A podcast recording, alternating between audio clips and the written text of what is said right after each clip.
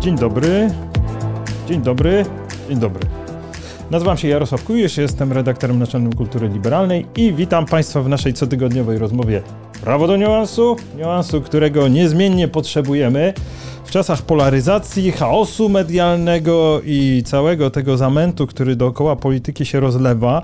Ja tylko jeszcze jedną mam prośbę do Państwa, zaraz tutaj na wstępie, mianowicie no, przychodzi rozliczanie podatków i jeżeli mogliby Państwo przekazać e, procent podatku na Fundację Kultura Liberalna, to na pewno nie będzie to złym uczynkiem, proszę Państwa. Przez 8 ostatnich lat trzeci sektor udowodnił, że potrafi działać i jest potrzebny i w tej chwili potrzebujemy, proszę Państwa, Państwa podziękowania w postaci tego przekazania podatku na rzecz Fundacji Kultura Liberalnej bardzo, ponieważ jeśli chodzi o stronę finansową, politycznie się różne rzeczy zmieniają, ale nadal trzeba walczyć w trzecim sektorze o przetrwanie, więc z góry Państwu za ten gest dziękuję.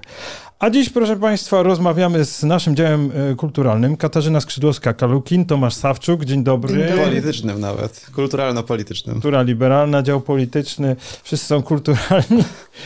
Słuchajcie, my musimy trochę snopu światła w ten cały zamęt skierować, bo wyborcy generalnie najpierw e, poszli do urn, rekordowa frekwencja, potem część osób liczyła na szybką zmianę, ta szybka zmiana nie nastąpiła, no bo był Morawiecki 3, czyli próba powołania rządu, który nie, nie mógł powstać.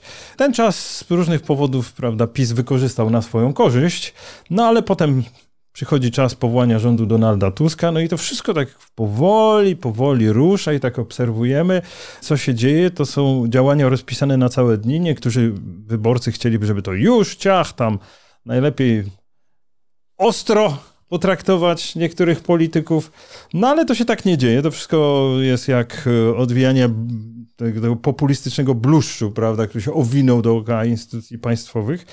No i mamy taki okres przejściowy i trzeba by było jakoś tak skierować snop światła na te, na te wydarzenia z ostatnich dni i po prostu tak na dobry początek zapytałbym was o prezydenta Andrzeja Dudę. Otóż Andrzej Duda jakoś tak postanowił się uaktywnić bardziej niż w ciągu ostatnich lat. To uaktywnienie przynosi różne rezultaty. No, do sprawy Mariusza Kamińskiego i Macieja Wąsika to pewnie jeszcze nawiążemy, natomiast y, w tej chwili postanowił zgłosić swoje jakieś takie uwagi do y, sprawy budżetu państwa. Y, najpierw się wstrzymywał z podpisem tak długo, jak się dało, a następnie podpisał ustawę i następczo skierował ją do Trybunału Konstytucyjnego. Spróbujmy jak najprościej. Jak oceniacie postępowanie Andrzeja Dudy od czasu, kiedy dowiedział się o tym, jaki jest wynik wyborów parlamentarnych? Ja mam wrażenie, że chociaż mówisz, że o Macieju Wąsiku i Mariuszu Kamińskim porozmawiamy później, że jednak mimo wszystko jeśli chodzi o postępowanie prezydenta Dudy, to mam takie wrażenie, jakby Wąsik i Kamiński byli kluczowymi postaciami, centralnymi punktami Rzeczpospolitej Polskiej. Dlaczego? Jakby nic ważniejszego się nie działo niż oni, sądząc po tym, co robi prezydent. Prezydent bardzo się zaangażował w ich obronę, bardzo zaangażował się w wydostanie ich z więzienia, chociaż przecież y, utrzymywał, że ich już wcześniej ułaskawił, więc nie będzie ich drugi raz ułaskawiać. Zrobił to. I teraz wstrzymał dla nich budżet. Znaczy nie wstrzymał, ale skierował do Trybunału Konstytucyjnego. To nie jest taki mały gest. Bo wprawdzie budżet zacznie obowiązywać, ale Trybunał Konstytucyjny coś tam może postanowić. Może zacząć się dziać chaos. Może postanowić Trybunał, a rząd może tego nie wydrukować. Prawda? Może się powtórzyć znana historia tylko z drugiej strony. Więc to nie jest takie nic. Postawił coś bardzo ważnego, losy państwa, finansowe losy państwa dla tych dwóch polityków.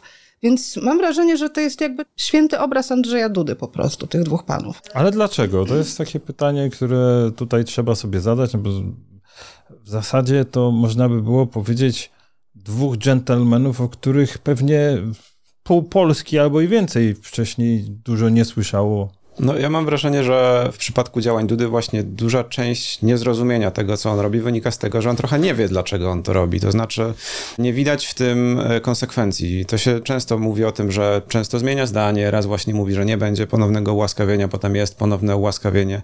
Nawet to działanie w sprawie budżetu, ono jest takie na pół gwizdka właśnie, no bo była ta koncepcja gdzieś tam na obrzeżach Prawa i Sprawiedliwości formułowana, że e, prezydent mógłby podejść do sprawy tak, że skoro Kamiński i Wąsik nie są dopuszczani do do Sejmu, no to Sejm nie istnieje w takim rozumieniu, w jakim jest opisany w Konstytucji. Powinien mieć 460 posłów, a ma 458, czyli nie jest Sejmem, czyli prezydent nie otrzymał ustawy budżetowej, no to skoro nie otrzymał ustawy budżetowej, no to może na przykład rozwiązać ten Sejm i to rozumiem jest takie rozwiązanie, które trochę suflował Jarosław Kaczyński, przynajmniej w pewnym momencie, sugerując, że prezydent powinien działać ostrzej.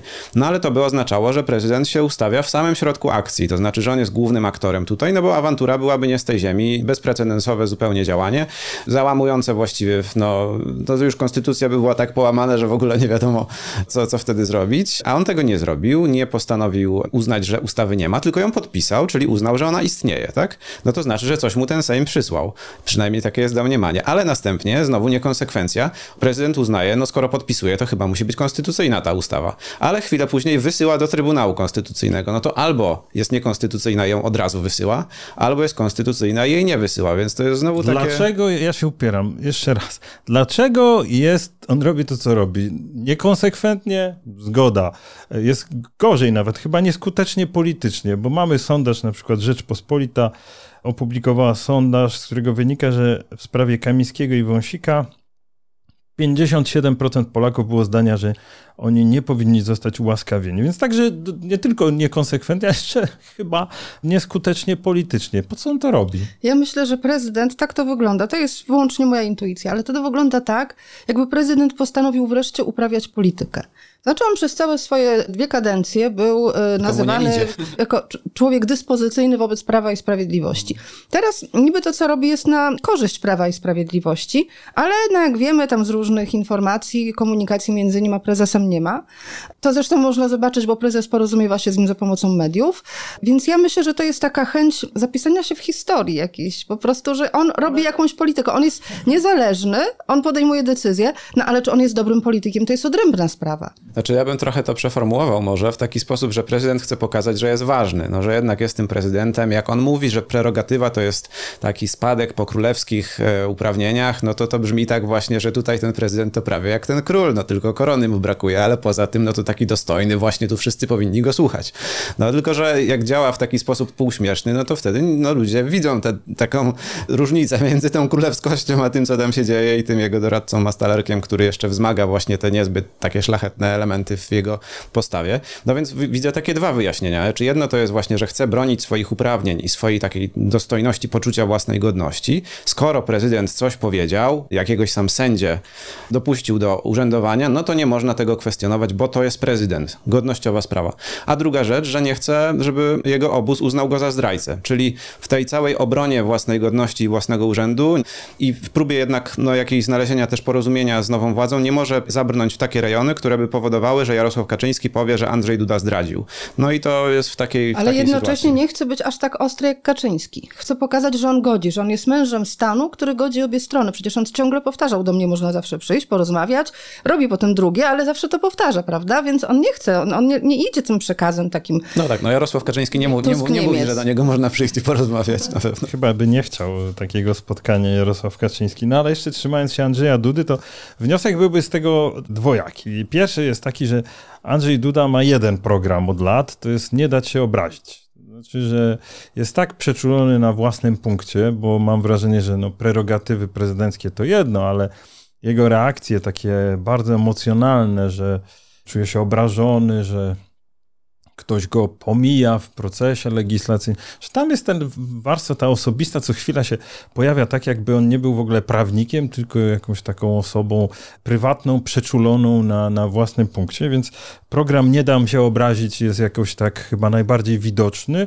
i być może on też przekłada się na te, na te nieskoordynowane działania, no bo jeżeli ktoś się tak emocjonalnie odnosi do tych, do tych zagadnień, to przypomnijmy inny błąd polityczny Andrzeja Dudy, to było wtedy, kiedy media publiczne zabrał się za, za ratowanie mediów publicznych i po tym pierwszym kroku Bartłomieja Sienkiewicza, który wielu prawników oceniało jako kontrowersyjny, no Andrzej Duda, prawda, pomógł Ministerstwu Kultury w ten sposób, że pozwolił na postawienie stan likwidacji pomijam teraz szczegóły, ale, tak. ale, generalnie dostarczył pretekstu i wtedy na krakowskim przedmieściu w gmachu ministerstwa podejrzewam rozległo się wielkie uff, bo to, był, bo to była taka, taka, taka pomoc. Tak, po drugiej stronie ulicy, to prawda. I plus dodam tylko, że sobie też tym zaszkodził, no bo mimo, że wcześniej protestował przeciwko Jackowi Kurskiemu na, jako prezesowi TVP, no to czynił to nieskutecznie i nigdy nie zagroził wetem jakichkolwiek pieniędzy dla telewizji publicznej, a teraz nagle w telewizji, którą ludzie odbierają generalnie lepiej niż tę poprzednią, co też widać w badaniach opinii publicznej, no to nagle mu zaczęło przeszkadzać. No więc to też jest niekorzystne dla niego, że tak, taką postawę No to przyjął. słuchajcie, to mamy program Nie dać się obrazić i drugi program, z tego co mówicie, to teraz dobędę doświadczenie polityczne.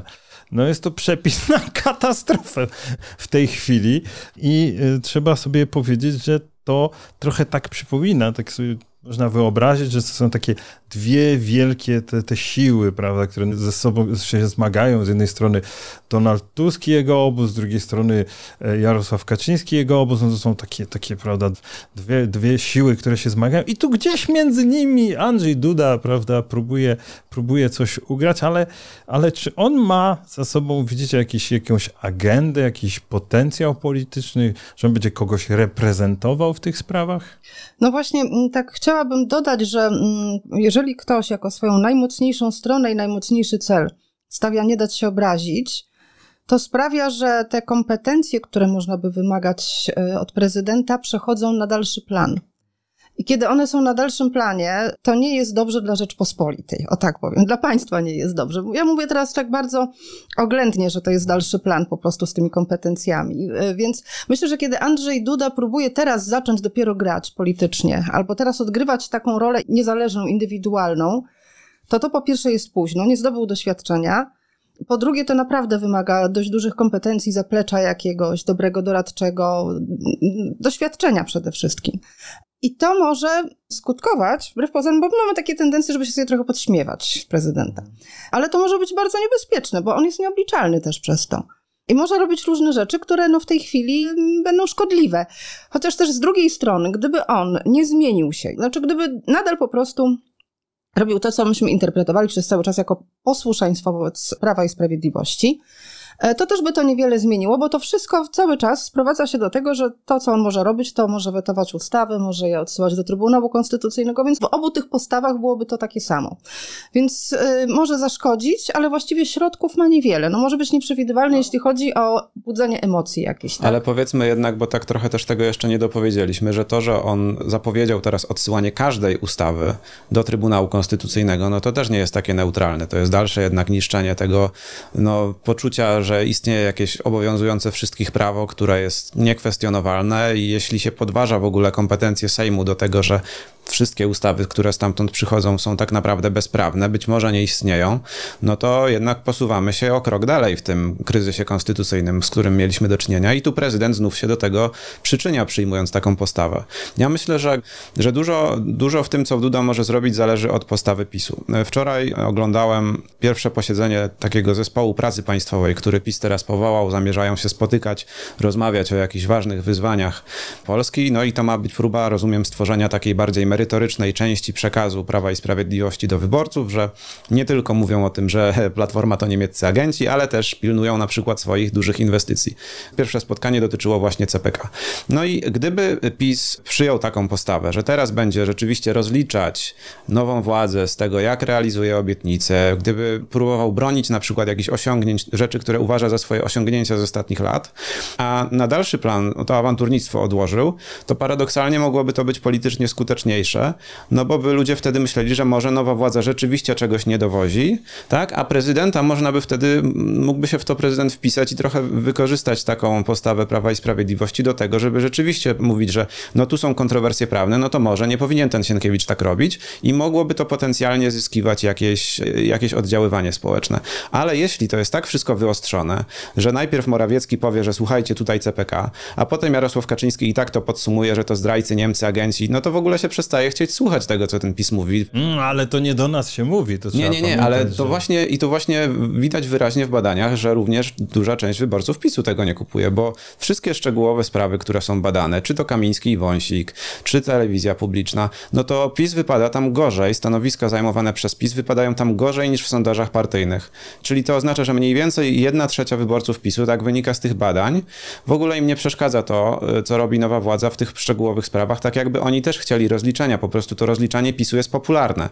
I to jest też taki element ofensywy nowej władzy, który już teraz niezależnie od tego, jaką taktykę PiS by przyjął i co by robił Duda, to on jest po prostu. Jest taki moment, że rozliczanie PiSu się opłaca i, i dlatego też no, Tusk y, widać, że korzysta z tej ofensywy, to znaczy też trochę no, nie, nie wstrzymuje powiedzmy ciosów, tylko jednak stara się iść do przodu z tym. No wydaje się, że wobec tego, gdyby tak w szerszym planie spojrzeć, to Andrzej Duda być może jest ofiarą tego, że nie zauważył, że PiS przegrał wybory. No. I to tak naprawdę, nie, nie dlatego, że ktoś, że ktoś zmanipulował ludźmi, tylko że ludzie naprawdę chcieli zmiany władzy. Tak, ale to trzeba, trzeba właśnie tak wyjaśnić, że półironicznie, bo chodzi o to, proszę Państwa, że Platforma Obywatelska w 2015 roku po przegranych wyborach też miała długi moment adaptacji do tej sytuacji, tak?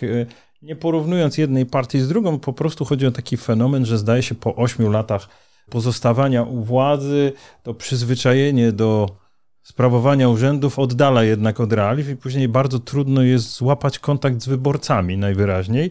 I w przypadku Andrzeja Dudy, no to waga jego urzędu w dużej mierze wiązała się z tym, że do 2023 roku, tak, wyborów parlamentarnych, jego rola, której się nauczył chyba, była związana z tym, że on mógł się był postawić PiSowi mógł był zawetować jakiś kontrowersyjny projekt i przypomnijmy, że kiedy był kryzys dookoła Trybunału Konstytucyjnego czy kryzys w sprawie Lex TVN, no to on podejmował jakieś tam działania i widać było, że wtedy zyskuje na znaczeniu. No ale od jesieni 2023 roku Andrzej Duda cały czas ma taki problem adaptacyjny, chyba że to jest inna sytuacja. Tutaj jego kompetencje, jakby inne światło na nie pada. Teraz nie jest to kwestia jego jakiejś niezgody z rządem, którego, który jest z tego samego obozu co on, tylko rząd jest inny i tu trzeba by było wypracować jakieś mądre standardy koabitacji. A nie wiem, no to chyba jakoś przerasta jego w tej chwili możliwości. No bo trzeba przede wszystkim byłoby y, zmienić całkowicie dotychczasowe zachowania. Jak już mówiliśmy, czy dotychczasową orientację, powiedzmy tak, polityczną. To wymagałoby pewnie jakiejś elastyczności, doświadczenia i kompetencji. Tu już ustaliliśmy, że z tym może być różnie. Do tego może być wrażenie takiego no, niezbyt dobrej relacji obecnie z dawnym zapleczem politycznym.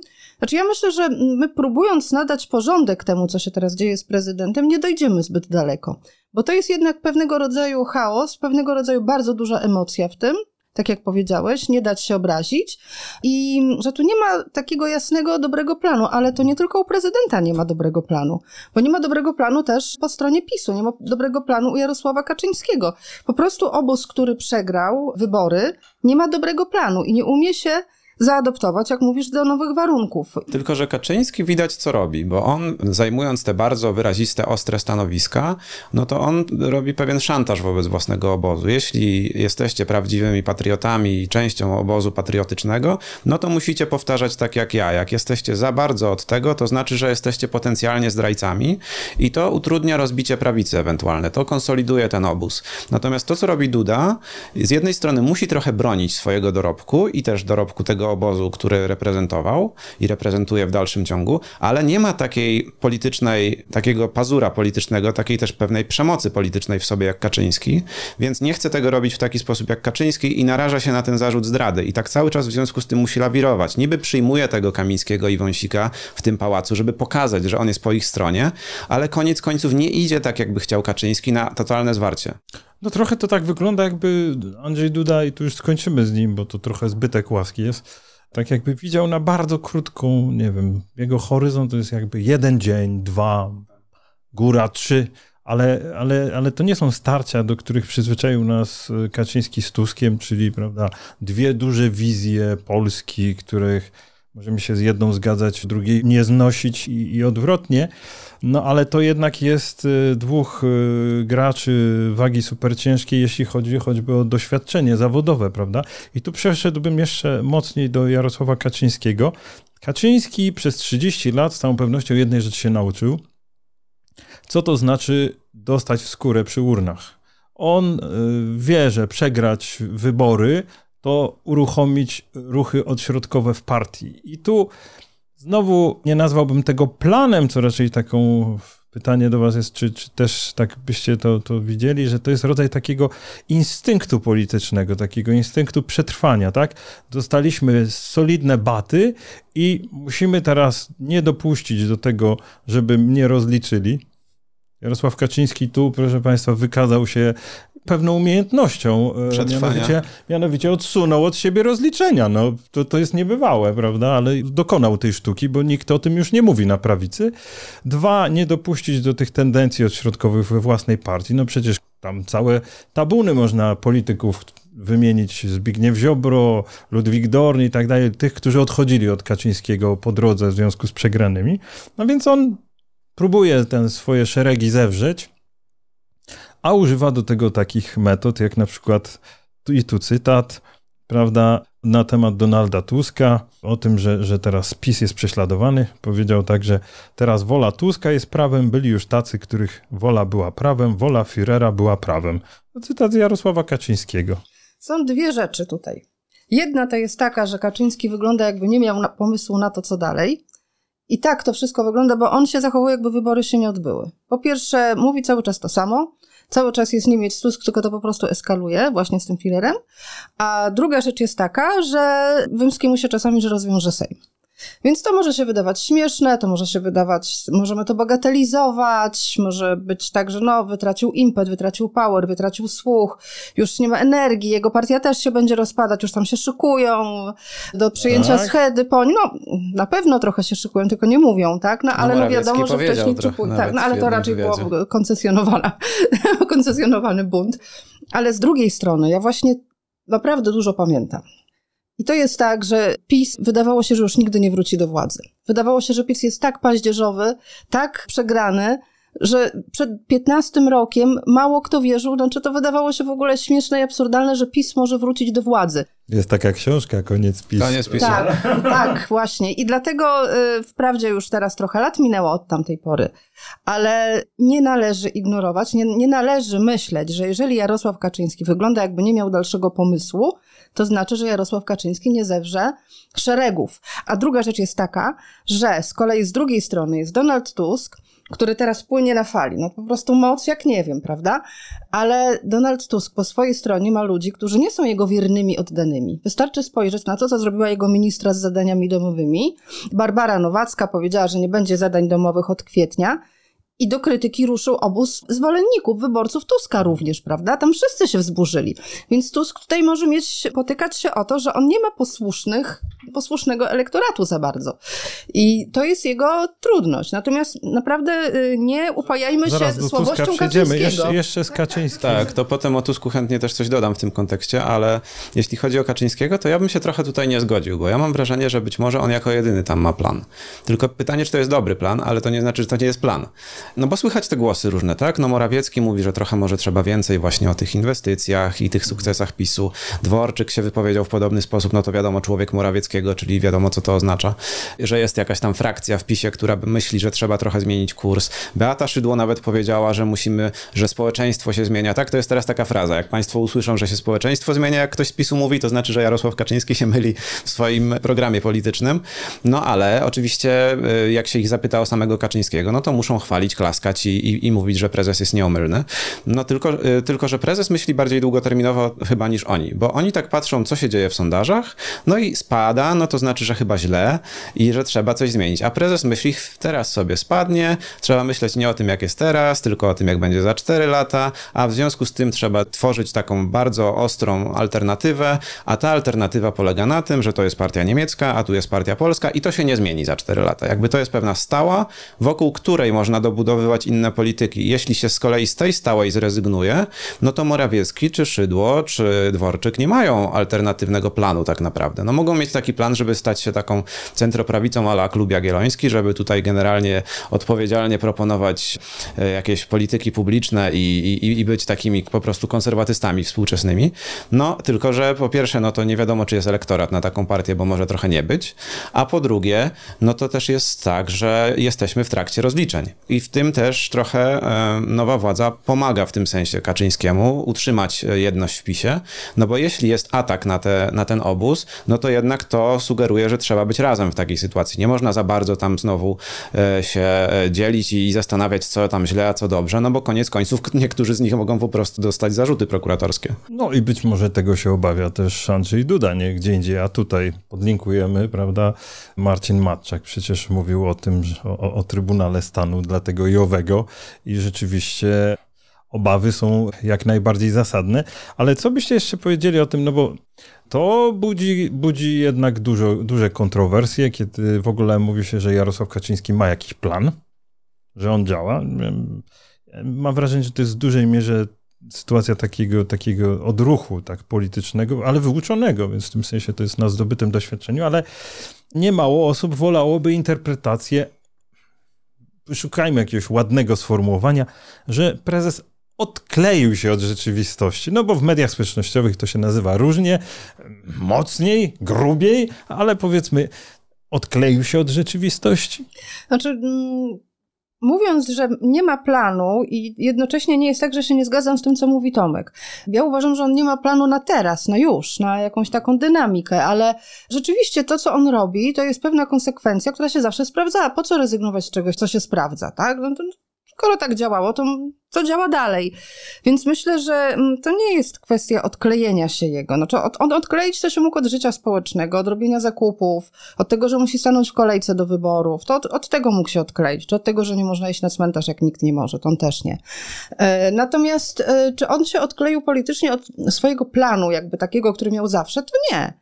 Przy czym spodobało mi się, tylko przepraszam, spojrzę, kto to mówił. A, profesor Cześnik w Gazecie Wyborczej że jednak też coś tu wychodzi, chociaż boję się, żeby teraz nie zabrzmiał, nie wyszedł przeze mnie ageism, no ale że mm, Kaczyński w tej chwili powiela taką trochę gomułkowską antyniemiecką fobię, której się nasłuchał w młodości, którą przesiąkł i która, jak to psychologia pokazuje, różne rzeczy, którymi nasiąkliśmy w młodości, nawet jak bardzo ich nie chcemy i nie lubimy, to potem to powtarzamy. No więc coś tu mogło takiego zadziałać, tak, że on mniej elastycznie reaguje na y, niektóre procesy społeczne, ale z drugiej strony, czy on elastycznie reagował? Przecież on zawsze miał jakieś takie. Yy... Ale bo właśnie wydaje mi się, że to jest bardzo charakterystyczne, bo, bo, bo jak zadajemy sobie pytanie, czy ktoś się odkleił, to od razu zakładamy pewną wizję polityki, która polega na tym, że polityk to patrzy, co się dzieje i reaguje na to. I to jest taka, można powiedzieć, klasycznie liberalna wizja polityki, że generalnie musimy się porozumieć co do tego, co należy zrobić, no więc trzeba słuchać, co ludzie mówią, w jakiś sposób e, się do tego odnieść, no i wypracować jakieś wspólne stanowisko, koniec końców.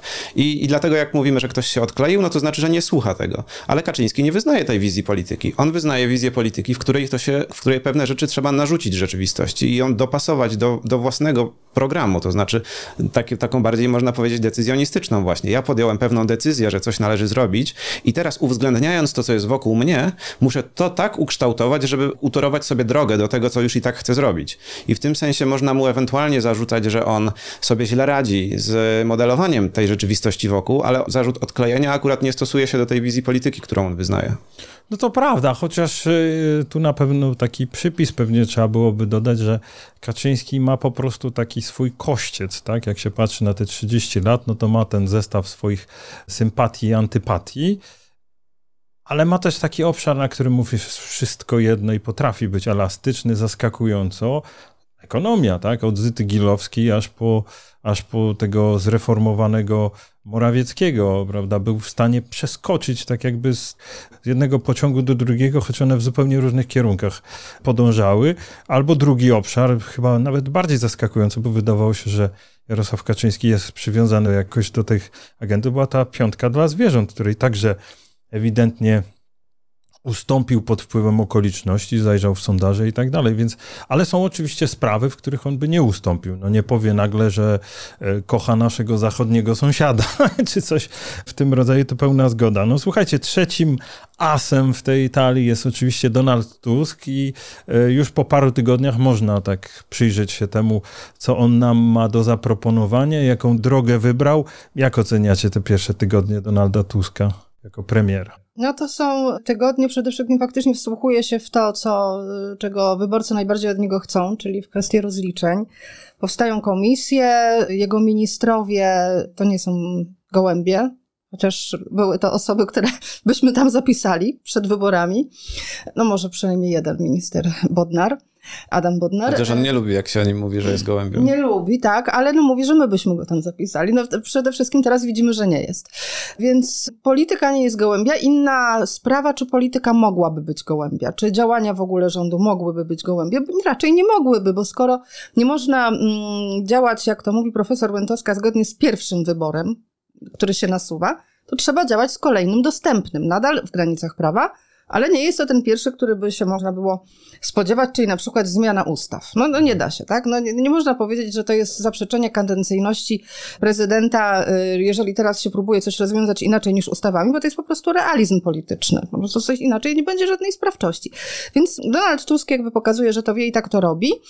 Jeszcze kolejna rzecz to to, co on pokazuje swoją moc wobec koalicjantów, to, że w tej chwili jakby no, pokazał lewicy, no nie będą szli razem do wyborów samorządowych, choć nadal twierdzi, że są koalicjantami, przecież tak szli też do wyborów y, krajowych, więc to y, o niczym niby nie świadczy, ale jednak według mnie pokazuje to to, że Donald Tusk ma poczucie mocy siły, że on korzysta z tej fali, na której płynie.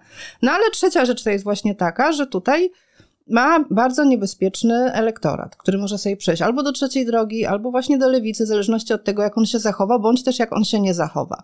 I jedni mu wypominają w tej chwili, że jeszcze nie ma tej ustawy aborcyjnej, znaczy już w tej chwili on ją złożył, ale że jej jeszcze nie ma.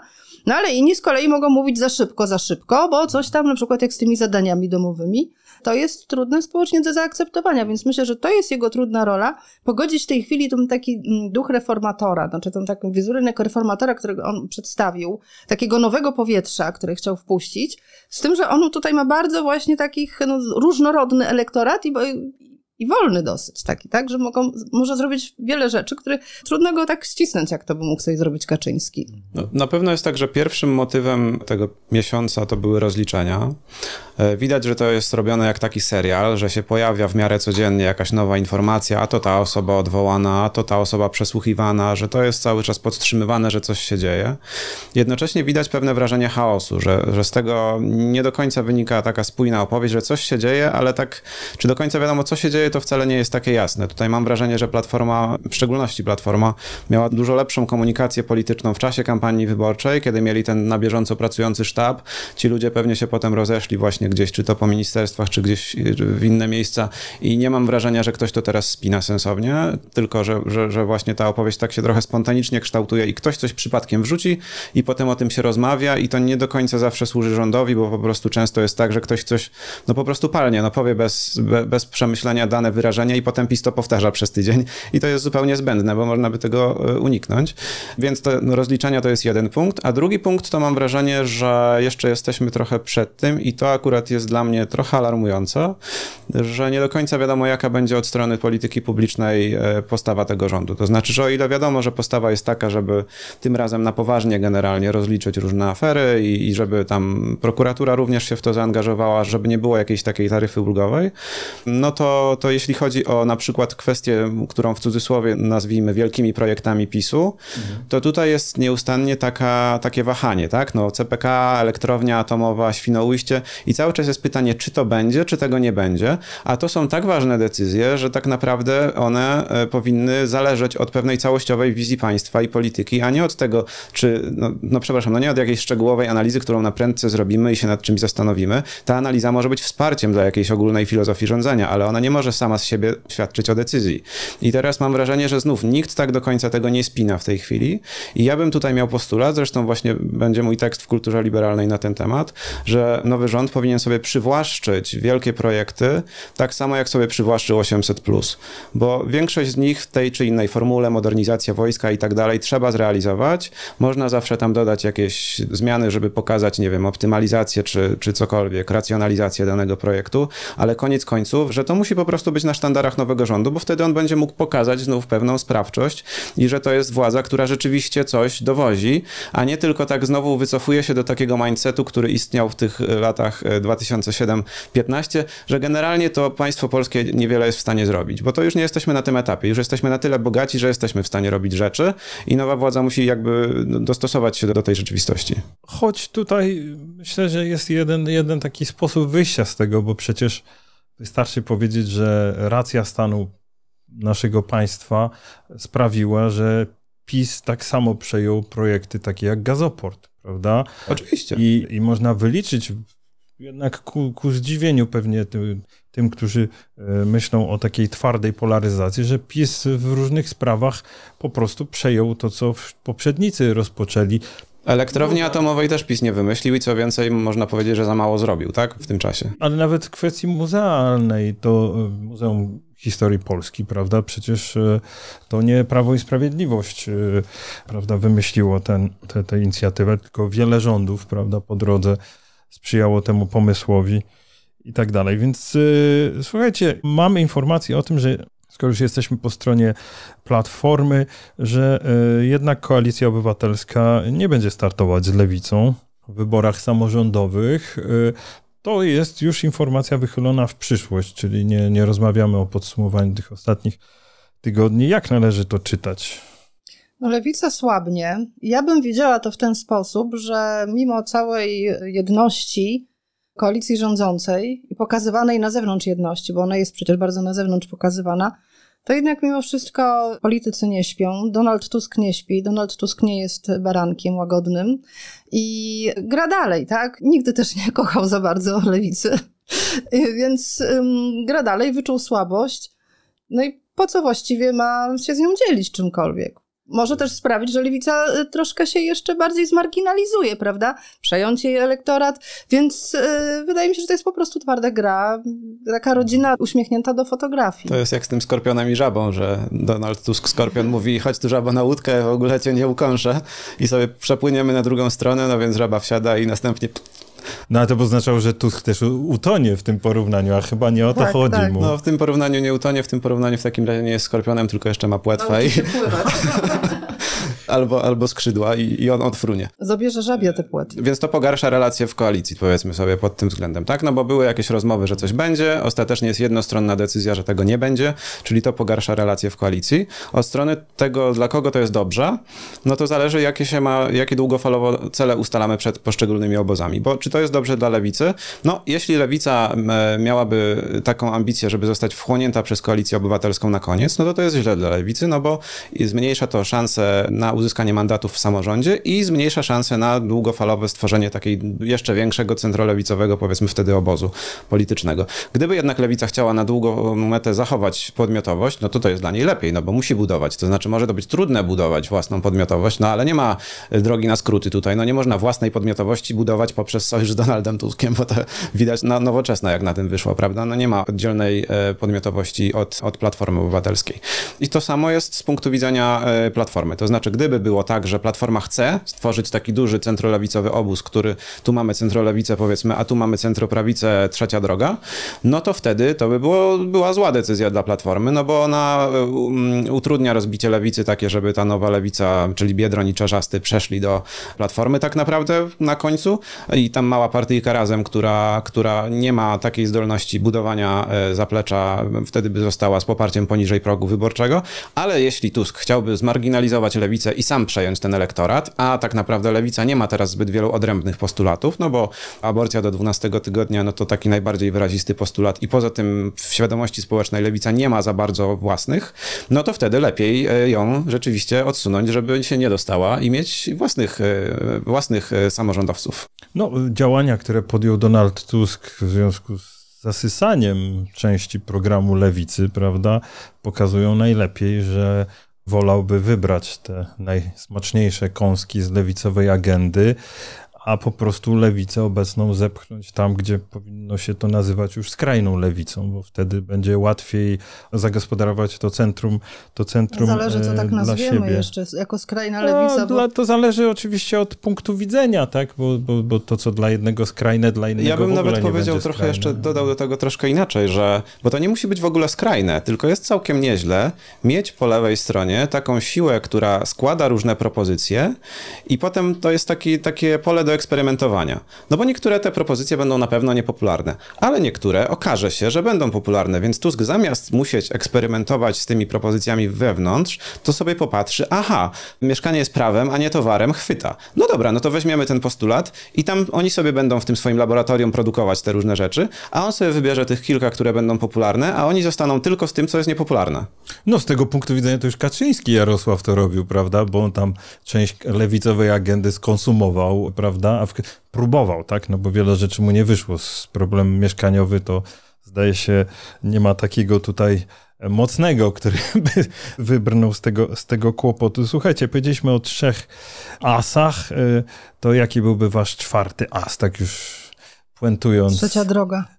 Tak? Proszę No powiedz bo więcej. Szymon Hołownia, podobno przeczytałam takie sondaże, że w wyborach prezydenckich Rafał Trzaskowski nie wszedłby do drugiej tury, czyli ma takie poparcie, ma taką oglądalność na Sejmflixie najwyraźniej i taki teraz tak płynie i leci właściwie, że to może być też ważna rzecz, która rozegra trochę koalicję rządzącą, która no, no, poróżni po prostu ich, tak? I y, czy mi się wydaje, że to jest bardzo, to, to się zaczyna w tej chwili, można do, właściwie się jeszcze nie zaczęło, widać po prostu tę ogromną popularność Szymona Hołowni, który, pamiętajmy, zawsze się mówiło, mm, że on teraz jest popularny, ale przed nim jeszcze długo to się wypali. Jakoś się do tej pory nie wypalił. Wieszczyliśmy, że polegnie, że się nie dostanie. Po prostu nic z tych rzeczy się nie potwierdziło. Więc do wyborów prezydenckich jest bardzo możliwe, że utrzyma tę swoją popularność. I to może być kością niezgody. Czyli to jest twój czwarty as, Szymon Tak. Hołownia. No ja muszę przyznać, że na razie nie, nie, nie wierzę w tę teorię. Mam wrażenie, że gdyby takie w ogóle było zagrożenie, że Trzaskowski może nie wygrać z Hołownią, to wtedy może Tusk wystartować w wyborach e, prezydenckich i, i no, że koniec końców nie wierzę, że, że Hołownia ma, ma szansę na zwycięstwo wyborcze, jeśli Platforma na to nie pozwoli, a bardzo jest dla mnie wątpliwe, żeby miała na to pozwolić, więc e, rozumiem grę Hołowni, która polega na tym, że on siebie buduje poprzez to, że został marszałkiem, jest bardzo widoczny, chociaż tam, no jak już przychodzi do tych konkretnych rozgrywek, no to widać też pewne błędy w jego postępowaniu i, i to, że też nie ma właśnie tej determinacji, którą mają Tusk i Kaczyński, żeby jednak, że jak już się powiedziało A, to trzeba powiedzieć B czasem, albo nie mówić tego A w ogóle, bo inaczej to wygląda dziwnie. No ale, ale koniec końców nie za bardzo mam wrażenie, że on jest w stanie wygrać wybory prezydenckie, a to równocześnie powoduje, że zaniedbuje budowanie struktur własnej partii politycznej, więc też, e, bo, bo po prostu ma na to dużo mniej czasu, więc wcale nie jestem przekonany, że to jest dla jego partii dobra strategia na dłuższą metę. No cóż, słuchajcie, no to, to dzieje się tyle, że ho, ho, prawda, jak z bicza strzelił, ten, te, ta nasza rozmowa przeleciała. Proszę Państwa, kończąc, y, chciałbym e, raz jeszcze podziękować Państwu za wsparcie darowiznami, darowiznami cyklicznymi. Zachęcam nie tylko do subskrybowania naszego kanału, ale także do przekazywania podatku Fundacji Kultura Liberalna. Teraz, kiedy Państwo się rozliczają ze swoich podatków, Można to zrobić i będziemy za to e, bardzo wdzięczni, bo tylko to pozwala nam się rozwijać i tworzyć dla Państwa kolejne, kolejne odcinki Prawa do Niuansu, ale wszystkich, prawda, treści kultury liberalnej. Ja Wam bardzo, bardzo dziękuję za, te, za tę rozmowę. Dziękuję. Dzięki. To zdaje się jest dopiero początek tej, tej emocjonującej e, rozgrywki, w której mam wrażenie jest jeden jakby pozytywny element. Chyba nigdy ludzie w Polsce nie czują się tak bardzo odpowiedzialni za kraj jak teraz. Po tych Tu mamy wyborach. badanie Cebosu nowe swoją drogą, gdzie jest pytanie o to, czy ludzie tacy jak ty mają wpływ na losy kraju i jest najwyższy wynik w trzeciej RP ostatnie badanie. I ciekawe, że do tego właśnie przyczyniło się odsunięcie PiSu od władzy. Tak. Dziękujemy bardzo i do zobaczenia w następnym prawie do niuansu. Dziękuję.